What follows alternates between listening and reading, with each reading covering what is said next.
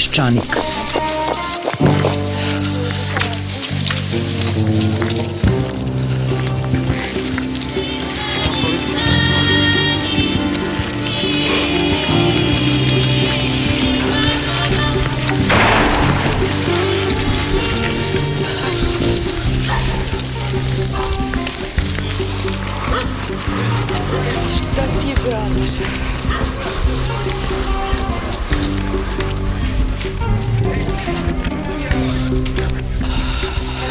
Peščanik.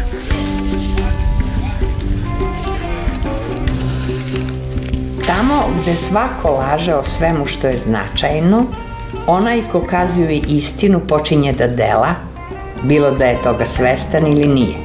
Tako se i on upliče u političku delatnost, jer u slučaju da preživi što nije sigurno, on započinje promenu sveta.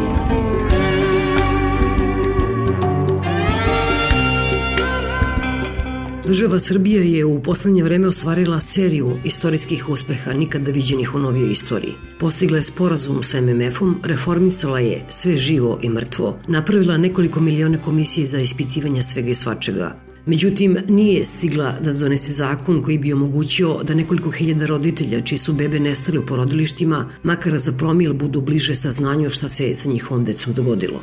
Naime, u septembru je istekao rok koji je Srbija dobila od Suda za ljudska prava u Strasburu da obezbedi zakonski okvir za rešavanje pitanja nestalih beba. U ime porodica nestale dece, pravnici profesor dr. Vesna Rakić-Vodinelić i Danilo Ćučić izradili su model zakona o istraživanju položaja nestale novorođenčadi. Tu se naravno stalo, što znači da roditelji nestalih beba nastavljaju borbu sa srpskim institucijama koja traje već više od jedne decenije. Pre nego što čujete razgovor koji Ivan Martinović pre nekoliko dana vodila sa njima, kratko podsjećanje na ono što su nam govorili pre nešto više od godinu dana – Slušate Zoricu Jovanović koja je Srbiju tužila Evropskom sudu za ljudska prava u Strasburu i dobila, zatim Mirjanu Novokmet, Gorana Filipovića i Radu Pantelić.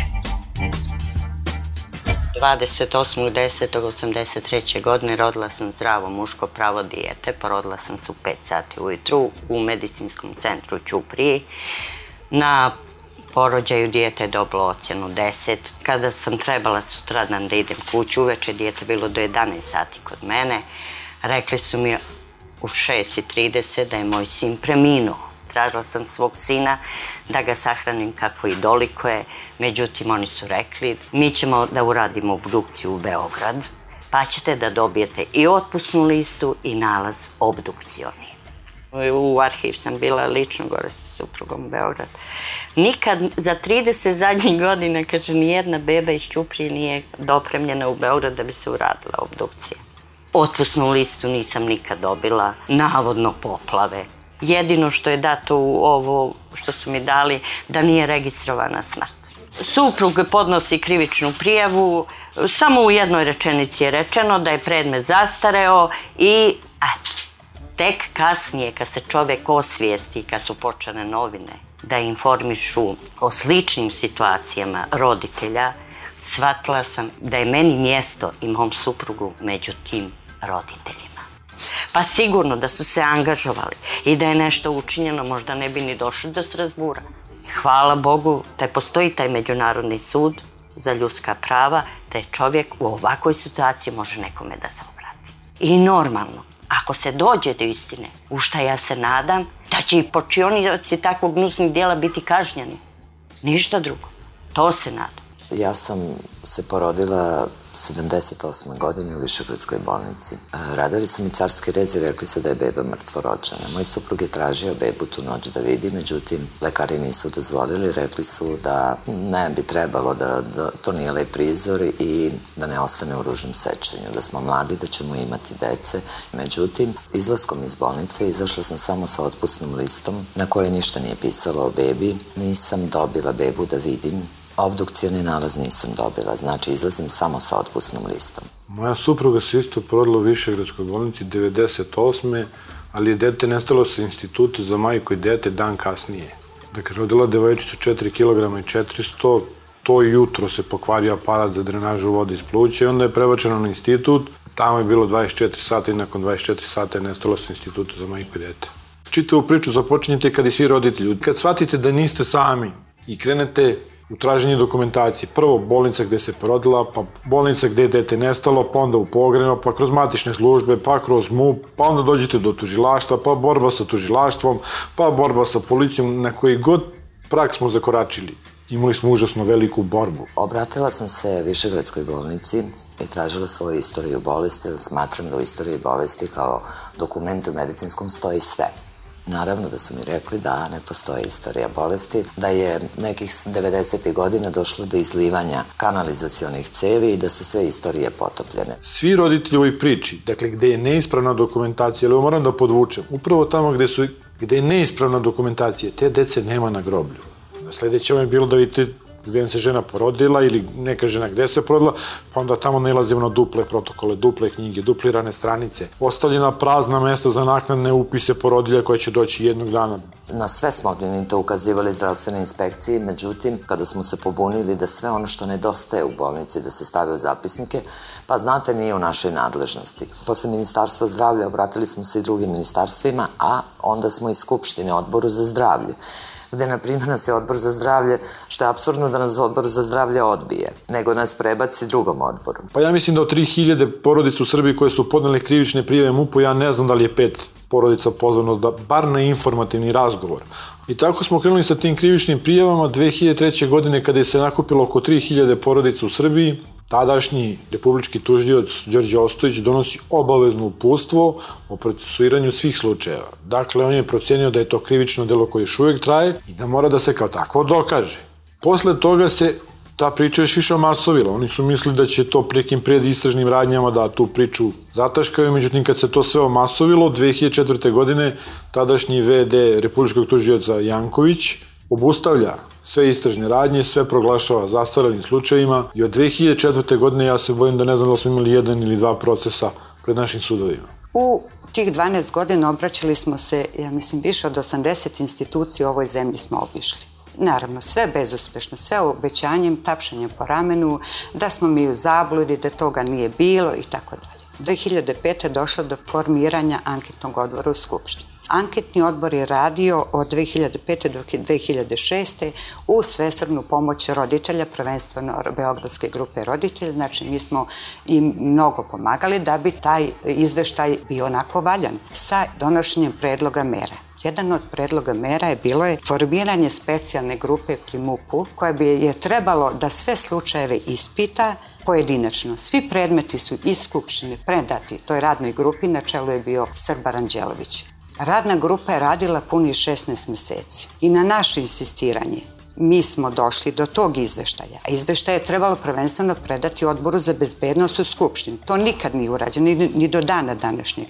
Nas dve majke smo dobili taj izveštaj, oni nisu ništa praktično radili. Njihov odgovor nama je bio da nisu imali nalog tužilaštva. A tužilaštvo je pravdalo se da je sve to zastarelo.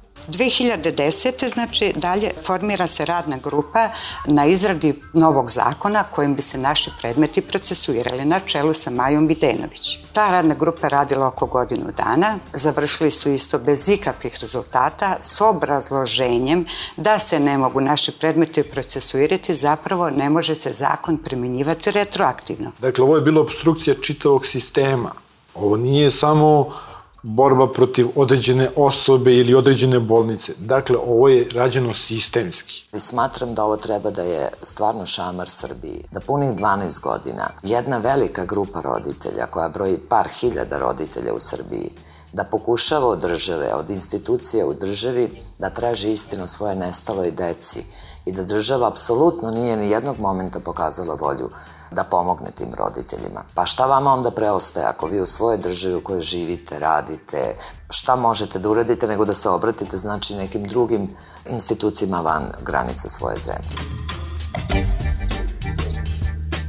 Evropski sud za ljudska prava je u martu prošle godine objavio odluku kojom utvrđuje da je Srbija povredila pravo na privatnost i porodični život Zorice Jovanović. Sud je obavezao državu Srbiju da Zorici Jovanović isplati 10.000 evra u dinarskoj protivrednosti na ime nematerijalne štete. Međutim, ono što je još važnije, sud u Strasburu je takođe odredio da država Srbija mora preduzeti sve mere, a najbolje donošenjem posebnog zakona, kojim bi obezbedila mehanizam čiji je cilj da obezbedi individualnu satisfakciju svim roditeljima čiji je položaj isti ili dovoljno sličan sa položajem Zorice Jovanović. Govore Mirjana Novokmet, Goran Filipović, Rada Panterić, Nikola Šegrt i pravnik Danilo Ćurčić koji je zajedno sa Vesnom Rakić-Vodinarić napisao predlog zakona o nestalim bebama. Presuda je bila iznenađenje. Upravo smo mi preko Peščanika saznali da, da je pala ta pravosnažna presuda i da je donata protiv države Srbije. Onda nas je, naravno, kao zainteresovanu stranu interesovalo ko je bio zadužen ispred državnih organa da implementira tu presudu. Boga mi, celi šest meseci su oni prebacivali lopticu s jednog ministarstva na drugo, Preko Peščanika smo upravo i saznali za presudu. Profesorka Vesna Rakić-Vodinović je dala svoje, svoje tumačenje i rekla je da bi pomogla roditeljima ona će pokušati da napravi jedan model posebnog zakona kao preporuka da bi rešili slučajeve nestalih beba. To jest da bi roditelji koji su u istoj ili sličnoj situaciji sa Zoricom Jovanović, da bi došli do istine. Jer to je satisfakcija u stvari presude. Istina gde se nalaze naša deca. Formirata je jedna mala grupa pri Centru za napređivanje pravnih studija koja je radila na na tome koju je vodila zapravo profesorka Vodinilić. To je model zakona, dakle, model o kom može da se razgovara i koji bi na neki način mogao da bude polazna osnova za razgovore o rešavanju ovog problema. E sad, U tom zakonu pre, propisano je formiranje posebnog nezavisnog tela Komisije za istraživanje položaja nestale novorođenčadi. Članovi se biraju u Skupštini na predlog ombudsmana, poverenika za pristup informacijama od javnog značaja i poverenika za zaštitu ravnopravnosti, gde smo se trudili da ta pravila o imenovanju i izboru budu takva da se na što veći način nekako ograniči mogućnost uticaja na postavljenje tih lica koje će odlučivati Komisija dakle dužna da istraži sve činjenice i okolnosti koje se odnose na, na svaki konkretan slučaj. Ono bi trebalo da donese zaključak kojim se utvrđuju činjenice da li je dete umrlo tog dana kada je utvrđeno da li je rođeno živo ili nije, da li je uopšte postoje bilo kakve informacije o tome i s druge strane pravično zadovoljenje koje je zapravo najmanje bitno, odnosno neka nematerijalna šteta koja se donosi posebnim aktom. Mi ne znamo da je, da je nešto slično se bilo gde desilo, ajde da kažemo na teritoriji Saveta Evrope sigurno, znači zemalja članice Saveta Evrope i ne postoji nikakva, da kažem, redovan odgovor na ovakvu situaciju. Zbog toga upravo i taj specifičan postupak koji prati te posebne karakteristike svega toga što se dešava ovaj. Početkom godine smo se obratili Ministarstvu zdravlja, smo došli do podataka da Ministarstvo zdravlja je formiralo jednu radnu grupu. Dobili smo odgovor da je formirana radna grupa od strane Ministarstva zdravlja koja je u svom sastavu imala i ostale predstavnike državnih institucija i mi smo naravno želeli smo da učestvujemo u tom radu. Međutim, odbijali su nas. Onog trenutka kada su oni rešili, kako kaže gospodin profesor Vekić, da postoji politička volja da se reše ovi slučajevi, na naš dopis da nas prime, oni su izašli u susret, primili su, znači, Beogradsku grupu roditelja, tu je bio i ministar eh, zdravlja, gospodin Lončar, Kada smo došli na taj sastanak i kada smo mi insistirali da govorimo o zakonu koji smo im mi dostavili, odnosno o predlogu zakona, onda su oni rekli neki, mi smo samo predstavnici ministarstva zdravlja. Vi ćete to morati sa predstavnicima ministarstva pravde. Gospodin Vekić je odmah insistirao da vidimo, ajde da verešimo kako ćemo to u budućnosti. Evo imali smo već neke predloge da uvodimo kamere, ne znam, da izmenimo zakonsku regulativu, što smo mi decidno odbili, rekli smo, ali mi nismo došli ovde da uvodimo kamere kamere ćete uvoditi s nekim drugim. Mi smo došli ovde da vidimo ko će da implementira presudu Međunarodnog suda pravde Zorice Jovanović protiv Srbije u vezi nestanka beba iz porodilišta, presuda je postala pravosnažna, rok vam je za sva izvršenja i istekao i da vidimo kako ćemo to da radimo. Poslednje što je dobijeno to je izveštaj te radne grupe koji je naravno katastrofalan. I njihovo neko stanovište jeste da treba da se rešava na, na taj način da se formira komisija vlade koja će da rešava po na neki način pritužbama ili informacijama koje dobije od roditelja nestale novorođenčadi u porodilištima u Republici Srbiji. To je predlog rešenja koje je vrlo sporno sa nekoliko aspekata, pre svega iz toga što nije u skladu sa onim što je zapravo naložen Republici Srbije u presudi Zorice Ivanović protiv Srbije. Taj sam mehanizam mora da bude nezavistan, on ne može biti nezavistan ako je formiran od strane određenog ministarstva ili uredbom vlade ili na neki sličan način, zaključkom vlade. Pitanje koje je ključno jeste sama odluka kakva kakva je pravna priroda odluke koje donosi takvo telo. Kako će se one izvršiti i koje su pravne posledice donošenja takve odluke. I zbog toga zapravo mislimo da je ovakvo rešenje ne, nesaglasno sa obavezama propisanim u, u presudi Zorice Oneć protiv Srbije i da je potrebno, ako se formira mehanizam, da taj mehanizam bude uspostavljen na osnovu zakona. akti, podakti, komisije, nezavisna tela, mislim nezavisna tela koji cinizam, nezavisna tela, formira Ministarstvo zdravlja koje je direktno učestvovalo u nestanku naše dece. To je jedna apsolutna nezainteresovanost države da reši kako problem ovaj, ove dece, tako problem i one dece koje su rođene posle 2005. godine jer su ovoga puta napravili i diskriminaciju jer su ograničili koji roditelji smeju da uđu u implementaciju te presude, a koji neće smeti. Dakle, ograničili su neki 10. decembar 2005. i mlađi neće moći biti obuhvaćeni tom presudom. Prešlo se na to da će opet vlada nekom uredbom ili zaključkom da formira određeno telo koje će brže bolje da reši, koji će da pruža neku, ne znam, nematerijalnu, naknadu nematerijalne štete i da će tu cela priča da se, da se završi jednostavno. Znate, svako nas pita koliko je roditelja u celoj ovoj priči. Pa ne postoji popis, niko roditelje ne popisuje. Međutim, u izveštaju se barata sa nekim ciframa od 300 do 500, ko se obratio Ministarstvu unutrašnjih poslova sa nekom krivičnom prijavom ili tužilaštvu. Međutim, ne ulaze roditelji koji su se obratili policiji ili tužilaštvu. Roditelj je i onaj koji se obratio matičnoj službi, a nije dobio odgovor. Roditelj je onaj koji se obratio bolnici, ali nije dobio medicinsku dokumentaciju zato što je navodno poplavljena ili izgorela. Znači, on je ostao bez odgovora, ali on isto tako ima pravo da zna istinu o svom detetu. 2005. kad je formiran anketni odbor, mi smo tad predavali naše predmete, da tako kažem, predmete anketnom odboru.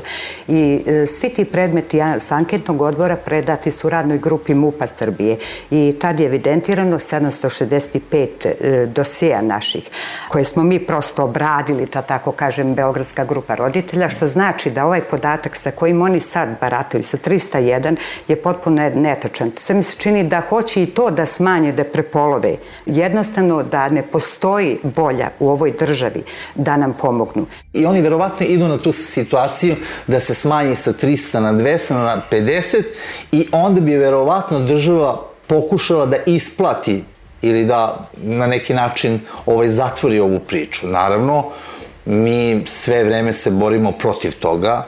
Nas novčana nadoknada ne zanima. Verujte da je meni to e, zaista prosto nesvatljivo da neko može da ponudi bilo kako obeštećenje. Ja smatram da je to neljudski ponuditi to. Zar može neko meni 30-godišnju patnju da plati? Zar može mom, mom sinu, kući blizancu, neko da nadomesti to?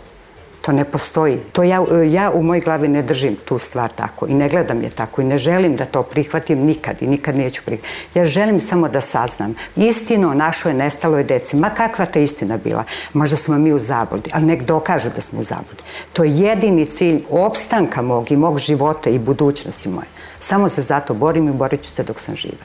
Pa ni Zorica Jovanović nije dobila zadovoljenje svoje presude. Dobila je novčanu nadoknadu koja se tiče patnje i nečinjenja državnih organa za sve ove godine unazad. Ali nije dobila satisfakciju ono zašto se borila, a to je istina o svojoj deci. Ovaj izveštaj ne da ne pominje šta će da se desi sa tom decom i za istinom o toj deci, nego svo vreme aludira na isplatu neke nadoknade, odštete za koji će državni organi proceniti kolika je i koji ima elemente. To neće proći, nisu ni prva ni poslednja vlada s kojom smo se borili, tako da mi na ovome stati nećemo. Ovo je vrlo krupan zalogaj za, za, za nadležne državne organe i s druge strane čini se da su s jedne strane nesposobni, s druge strane da upravo iz te neke nesposobnosti da rešavaju ovo pitanje, oni se trude da to zabašure kroz tu neku naknadu nematerijalne štete i, i svođenje sve na imovinski interes roditelja dece koje su nestale u porodilištima. Mislim da država namerno roditeljima baca upravo prašinu u oči. Naša borba je istina gde su naše deca, a ne obeštećenje. Mi, mi smo izgubili poverenje u državu, u sve te nezavisne komisije. Sve su indicije da su umešani mnogi i zdravstvene institucije i to je zapravo ako ako je taj sistem postojao kako jeste, a nema razloga da, ne, da sumnjamo u to, onda znači su tu morali biti umešani i opštinske uprave i pogrebna preduzeća i zdravstvene ustanove i to pokreće jedan širok, zapravo pitanje ko je sve tu bio uključen i ko je sve to znao za nestajanje beba u porodilištima i, i ništa nije preduzima sve ove godine. I to je zapravo, ja mislim, i glavni problem, jer kad bi se to sve saznalo, mnogi bi ili morali da prestanu da se bavi svojim poslom ili bi na neki drugi način imali neku makar osudu javnosti za to što su radili. Znači, definitivno leševi naše dece su nestali od bolnice do groblja. Mislim da, je, da država krije jednu mafijašku grupu, kriminalnu grupu, koja je to radila godinama. Međutim, nisu se nadali da će jednog dana roditelji čitave Srbije se okupiti sa istim sudbinama, sa istim pričama i da će krenuti tragom istine za svo, o svoje deci. Mi se već obraćamo na, međunarodnim institucijama i naravno mi kao roditelji ako budemo nezadovoljni da ćemo se ako treba i deset puta njima obratiti. Isto tako smatramo i Komisaru za ljudska prava Saveta Evrope da treba da se obratimo. Znači postoje institucije koje prate izvršenje presuda i sprovođenje tih presuda i naravno da ćemo se obraćati na sva moguća vrata. U ovih 12 godina smo nailazili na svašta, na zid čutanja, na neodobravanje, na... Čak smo i proglašavani da suše gledamo neke španske serije, da su deca sahranjivana na nekim seoskim grobljima, da strašne stvari su činjene. Nas ima zaista mnogo u Srbiji, i da bi trebalo konačno prestati sa tim maltretiranjem e, roditelja po pitanju tih obmana i prevara. Bojim se da ćemo i narednih godina ponavljati priče i ponavljati emisiju Peščaniku i na svim ostalim televizijama, ali nisam više siguran da ćemo doći do pravde. Ova država neće, mislim, naći načina da dođemo mi do istine. Svake godine oko 3000 ljudi u Srbiji doživi takozvanu građansku smrt, odnosno oduzme im se poslovna sposobnost. To praktično znači da im se ukidaju sva prava, kao što su pravo na brak i porodicu, pravo na rad, pravo na imovinu, biračko pravo. U najvećem broju slučajeva sudija odobrava oduzimanje poslovne sposobnosti, a da nije ni saslušao, pa čak ni video osobu koju lišava njenih prava. Jednom oduzetu poslovnu sposobnost u praksi je skoro nemoguće ponovo vratiti. Slušate Jelenu Mihajlović-Marković i Milana Markovića koji su svom sinu oduzeli poslovnu sposobnost i sada bezuspešno pokušavaju da mu je makar delimično vrate, a u nastavku govori i psihološkinja Milena Jerotijević. Miša je bio uh, potpuno zdravo rođeno dete i potpuno normalan razvoj imao do treće godine. I onda se između treće i četvrte godine počeo dešavati taj slom i ta promena. I uglavnom do negde četvrte godine on potpuno prestao da govori. I tada smo već bili odlazili kod uh, stručnjaka u razne institucije državne. Bitno je da, da se zna da je Miša dobio od tih lekara jedno 6-7 različitih diagnoza. Diagnoza sigurno nije autizam, atipičan autizam, dečija psihoza, separacioni strahovi, elementi autizma, njega su tali čak da hospitalizuju, što je totalno za autizam, mislim, ne može ništa gore da uradiš detetu nego da ga smestiš u bolnicu. Jedna doktorka mu je prepisala nozina, to je neki sedatio nekim, sa obrazloženjem da će on, možda on pomoći da on progovori. Normalno kad čujemo tako nešto, to nama ugliva veliku nadu. Mi smo mu dali jedan tenozinan i ja se tu scenu ću celog života da nosim u sebi i dete se kao da isključiš radio. Ukasio mu se pogled. Jelena kaže, mi njemu ovo nećemo davati. Mi smo tog trenutka prestali da verujemo lekarima i to je naša sreća. Onda smo opet po preporuci ne znam koga došli do nekog psihijatra koji se bavio osobama i decom sa autizmom, pa smo onda ah, tu isto primenjivali jednu metodu koja je zaista bila surova, onda smo to vrlo malo izdržali, a to je bilo, pošto je Miša imao razvijen govor, potpuno normalan govor od treće godine, onda je to postepeno jenjavalo da, da bi potpuno prestao. Onda je taj lekar govorio da mi treba da izazovemo govor tako što mu nećemo nešto dati dok on to ne kaže, čak ni vodu, ni hranu. Srećom, pa nismo to mogli da izdržimo duže nego par dana, ali je to bilo isto strašno. I sve je to trajalo negde do njegove šeste, sedme godine, kada smo onda stice srećnih okolnosti dospeli do jedne mlade psihološkinje, ona se zove Marija Momirov i ona je sprovodila taj jedan, nije seminar, nego su deca bila uključena u neki program i bili su organizovani e, i grupni e, boravci u prirodi sa roditeljima To je bilo fantastično i to je bio neki prvi onako nama podstrek i gde smo videli da se ovaj, kod Miše stvari menjaju na bolje, da on postaje svesniji gde je i da polako kontakte ostvaruje.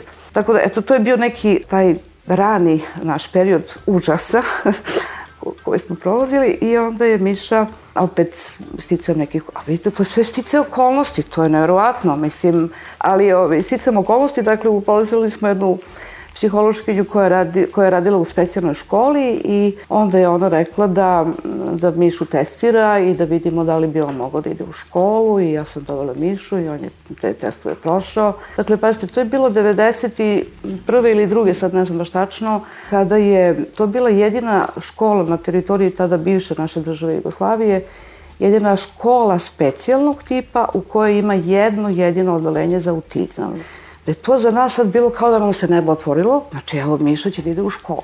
Oni su radili tako akademska zvanja, iz, znanja iz matematike i srpskog poznavanja prirode i tako dalje, u nekom smislu malo nerazumljivom e, za decu koji inače imaju teškoću da razumeju kontekst u kome se nešto dešava, to je sa školska klupa, pa neke tamo pisanije. To nije način rada koji je mogao nešto da pomogne Miši, a da ne kažem da je on išao u specijalan boks koji je bio, bio tu pri odalenju, da se takođe opet izaziva govor na način da on treba da kaže kako kaže maca, kako kaže kuca, što on odavno već naravno kad je bio mali je govorio to je sad i besmisleno, a i ne može. Kad neko ne može da artikuliše, nemojte mu još stajati na muku, frustrirati ga time da tražite nešto što on objektivno ne može.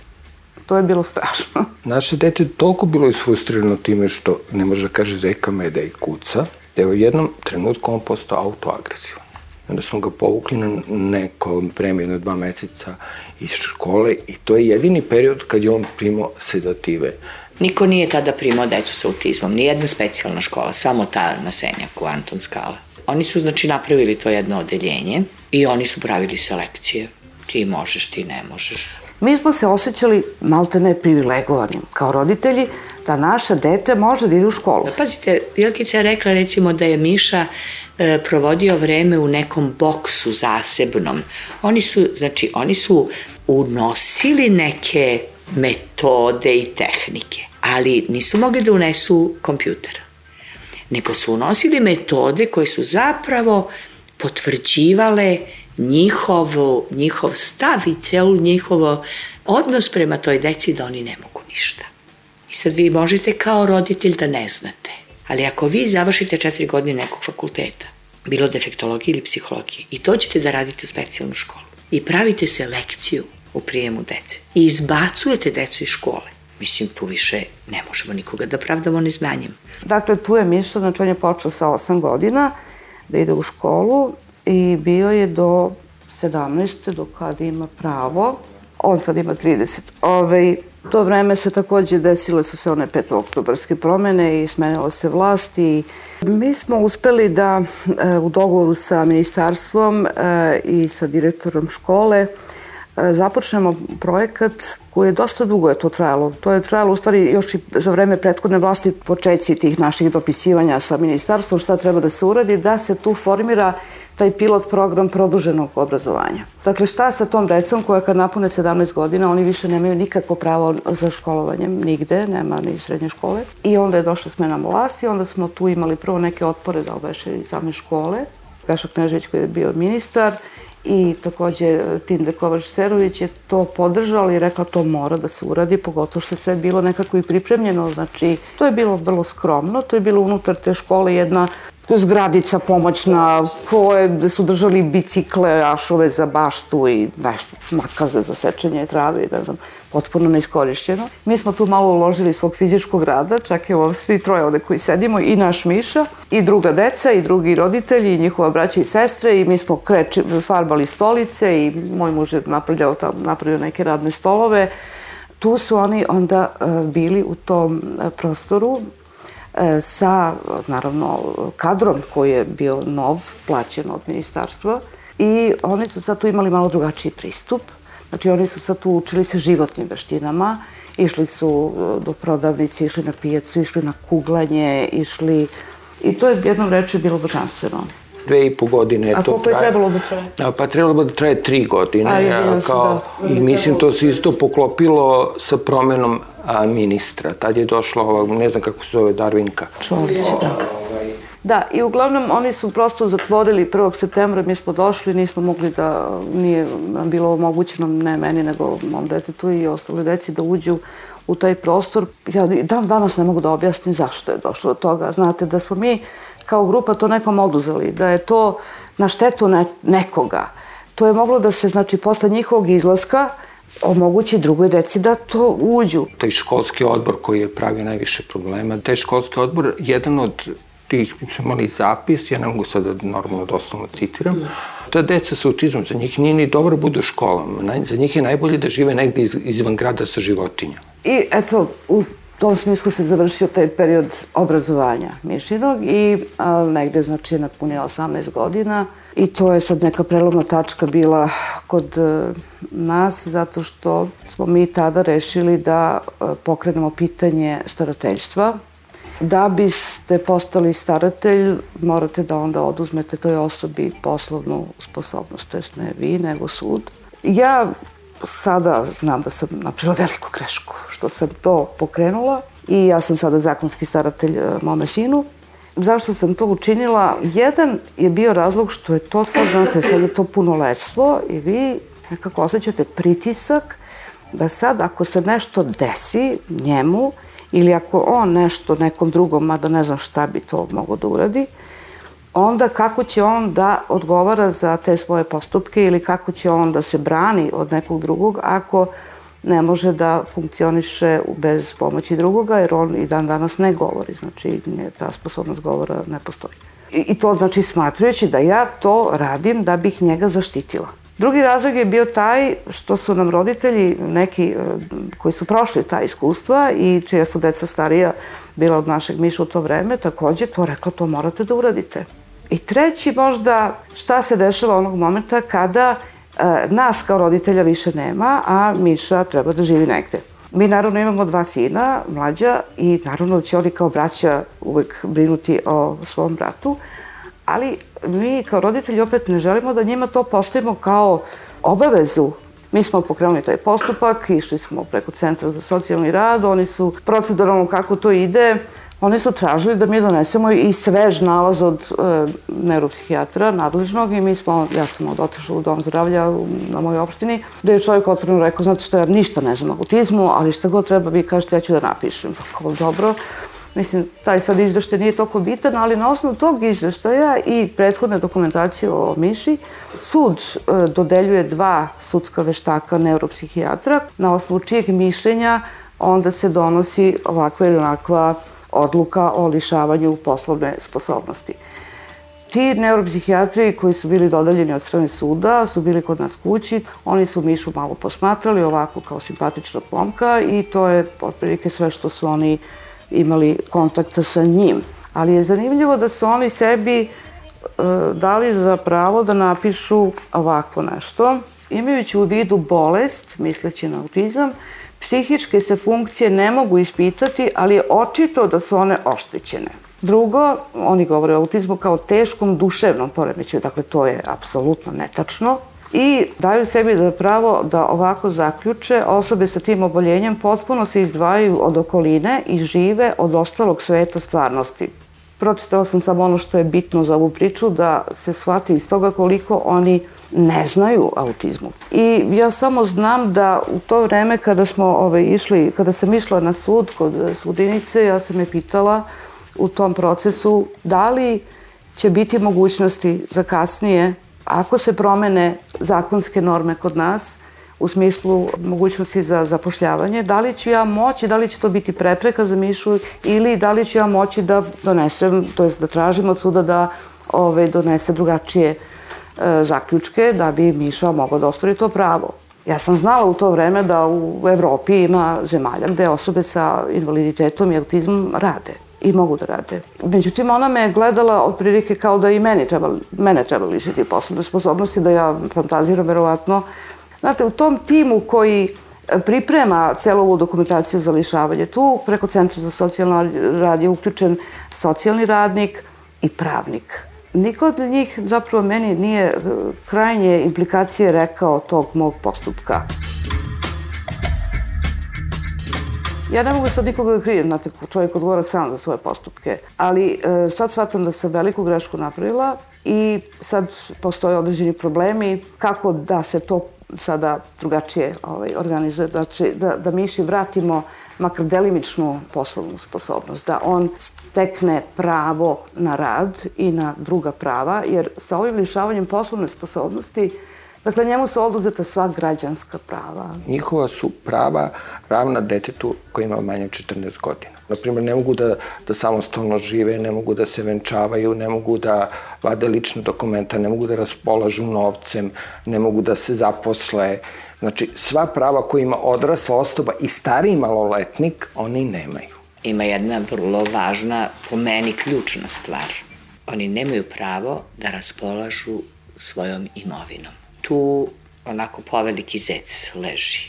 Jer e, su mnogi se domogli imovine, pogotovo nepokretne imovine, zato što su osobe bile lišene poslovne sposobnosti i po smrti njihovog biološkog roditelja i staratelja postaje centar socijalni rad i to je jedan onako vrlo jak razlog Dakle, najviše, mislim, najviše oni, ali ne samo oni, nego čak i rodbina koja čim nešto bi namirisala, radila je na to oduzimanju uz pomoć, naravno, državnih organa, oduzimanju poslovne sposobnosti tom svom srodniku da bi se domogli imovine. Nisam mogao da poverim koliko sam bio naivan i Jelena i ja, da to uopšte ne, nigde ne stoji u zakonu da mi moramo da mi njemu oduzemo poslovnu sposobnost, jer je to, to totalno nepotrebno i besmisleno. A ono što sam isto teo da, da kažem, kad, na primjer, u tim kontaktima sa ljudima iz inostranstva, mi kad njima pričamo o oduzimanju poslovne sposobnosti u obimu koji kod nas postoji, oni to prosto ne mogu da pojme da tako nešto postoji. A još jedna stvar koja je jako opasna, koju smo videli da je veoma lako kod nas ljudima oduzeti poslovnu sposobnost. Jedan slučaj je bio gde su jednog čoveka kome je umrla majka i ostavila kuću i on je tu kuću prodao jer je procenio da ne može sam da se izdržava i onda je odlučio, rekao je, ovaj, ja ću da kupim neku jeftiniju vikendicu i živeću do kraja života od tog novca od kuće, što je po meni veoma racionalna odluka. Jedino od sveg tog novca potrošio negde gde puto neko što 1000-2000 eura i njega su po hitnom postupku stavili u psihijatrijsku kliniku i zabranili su, on je već bio angažovao advokata, taj neki njikev rođak je postavljen za staratelja, zabranili su bilo kakav kontakt ima sa spojenim svetom. Pri tome, u svim tim postupcima kojima ja sad nismo pravnici, nije, nije nam ni želje da ovde pričamo sa ta brana, ali se ne poštuju ni postojeći zakonski okvir. Ili bi, ve, na primjer, veoma mali broj ljudi ti koji pa se oduzima poslovnu sposobnost uopšte izlaze pred sudiju ne morate nikakav pravnik da budete ništa o tome da ne znate. Ako se donosi neki propis koji deklarativno je da zaštiti osobu, a pritom se toj osobi oduzmu sva prava ljudska, sva građanska prava, pa tu stvarno ne, nemamo šta da pričam. Ako vi hoćete nekoga da zaštitite, da ga neko ne zloupotrebi, napravi se neki sistem koji će da daje tim osobama pravnu pomoć, gde će oni imati nekoga bez čije saglasnosti neće moći da donosi odluke, na primjer, da proda nešto ili da uradi nešto, pa da ga neko izmanipuliše. Ne oduzimaju se ljudska prava, nego se pruža podrška osobi da ne bi od nekoga bila izmanipulisana. A mi sad imamo situaciju da je država najveći manipulator i zloupotrebljivač e, nečijih ljudskih prava. Taj postupak e, lišavanja poslovne sposobnosti, mi smo hteli da sad izvidimo mogućnosti da se to preinači ta odluka i da se e, u najmanju ruku bar tražimo delimičnu poslovnu sposobnost. Međutim, problem je što meni niko ne garantuje ko će sad biti opet dovoljno stručan da proceni ono što sad treba da proceni kod našeg sina da je došlo do poboljšanja stanja i funkcionisanja od momenta kada mu je bila oduzeta poslovna sposobnost. To je ta kvaka jedna koja je sad dosta teško ovaj, osmisliti kako da se to uradi. A drugi e, problem koji se tu pojavljuje je da naš sin znači, ostvario pravo na tuđu negu i pomoć još davne 92. godine. Kako stvari izgleda stoje, mada to nigde ne piše tačno u zakonu, ali iz prakse se izgleda da to pokazuje kao pravilo, da ako mu bude povraćena poslovna sposobnost, onda on gubi pravo na tuđu negu i pomoć. Dakle, to je novčana nadoknada koja ide licima kojima je zaista potrebna podrška, stalna podrška, i to nekako ne bi smelo da jedno drugo potire, zato što njemu će biti potrebna ta tuđa nega i pomoć i u situaciji da radi, jer će mu biti tamo potrebna podrška, jer ovako on e, sa 30 godina sedi u kući, mi imamo svoje poslove, a Miša ne ide nigde. Znači on sedi od jutra do sutra.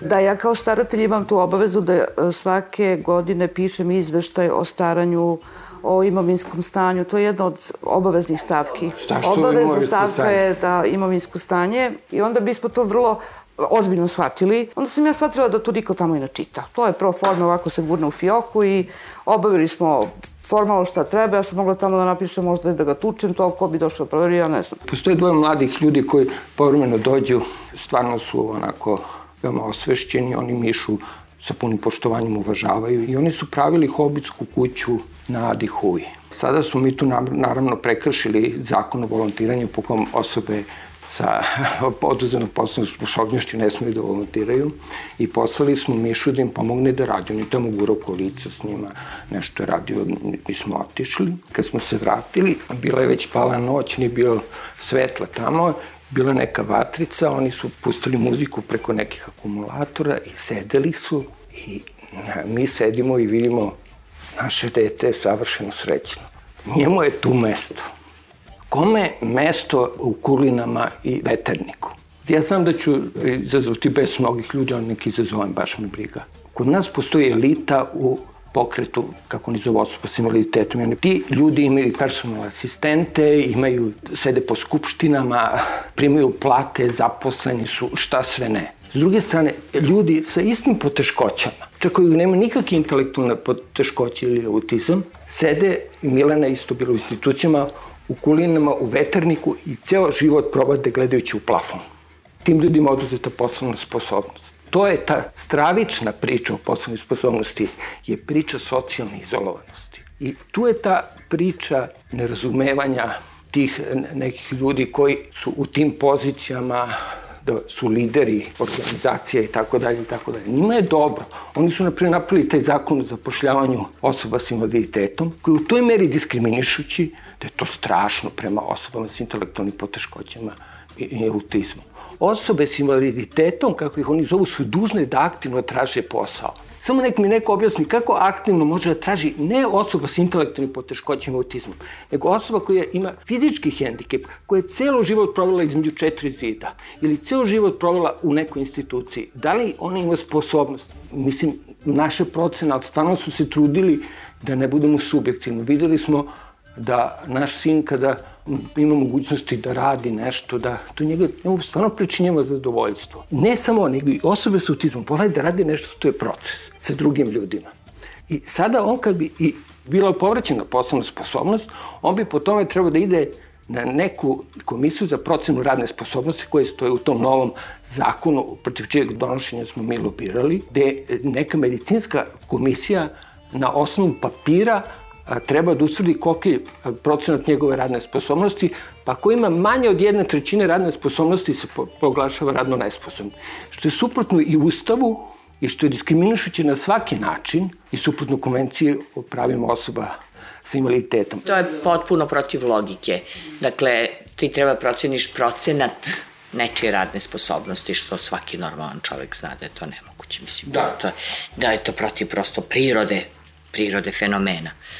I mislim da je onako nekako naš ćor sokak društveni trenutno, što država nema kapaciteta da promeni propise, zato što su još uvek jako opterećeni predrasudama, ali je problem u tome što nevladin sektor mnogo koketira sa državom. Nemate ni velike međunarodne oni isto koketiraju sa državama. Njih samo interesuje i jedini njihovi izveštaj prema njihovim centralama sa koliko državnih e, sektora u, u, u državnom aparatu su sklopili protokole i s kim sarađuju, s ovima o nenasilju, s ovima o ovome, s ovima o Šta se tu dešava? Da li je iko imao od toga koristi? To nikog ne zanima. I tako to prolazi. Imamo jako nekompetentne ljude u ministarstvima, pogotovo u socijali, to je, mislim, zaista onako drastično. Nema tu kapaciteta. Vrlo je moguće da, na primer, Miša izgubi e, tuđu negu i pomoć ako mu se povrati poslovna spo, e, sposobnost. Što nema nikakve veze jedno s drugim. I sad, umesto da davanja prate korisnika, davanja prate institucije i rešenja. Ako imaš to rešenje, dobit ćeš tu pomoć. Ne ako je tebi potrebna pomoć. Ako ideš u specijalnu školu, dobijaš automatski džabe knjige, imaš džabe ručak, imaš džabe prevoz. Ako ideš u redovnu školu, a imaš mnogo veće smetnje u razvoju, ne dobijaš ništa. U veterniku je bila grupa mladih ljudi koji su zaglavili, kako kažem, veternik, tako što su ih roditelji ostavili, u tom momentu nije bilo verovatno nekde neki dom za decu bez roditeljskog staranja. Išli su u specijalne škole, ali zaista ti momci i devojke nemaju nikakve intelektualne smetnje, nemaju ni telesne ni čulne smetnje. Međutim, oni kad su završili te svoje škole, nisu mogli ništa, nigde da rade. Umeđu vremenu oduzeli su im poslovnu sposobnost i znam jednog momka koji imao delimičnu poslovnu sposobnost, a završio je školu sa zanatom i hteo je da radi i nije mogao da radi. On je sve živo pokušao da uradi da vrati poslovnu sposobnost i nije uspeo. Ja ne znam ni jedan slučaj povraćaja poslovne sposobnosti. Znači ja kao zakonski staratelj onog momenta kad mene više ne bude, znači država preuzima starateljstvo nad Mišom. Ja moram sada da razmišljam o tome koji će to biti mehanizmi da zaštite Mišu, bez obzira koliko godina on imao i e, na koji način da ga zaštite i da ga ostave da žive u svojoj sobstvenoj kući. To je ono što je zastrašujuće, jer onda se zna, onda će da se smesti ovakvu instituciju i to je nešto što ne mogu da dopustim.